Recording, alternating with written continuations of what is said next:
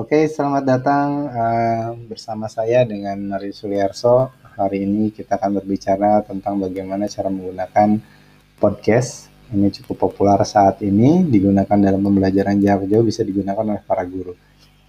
Oke, sudah.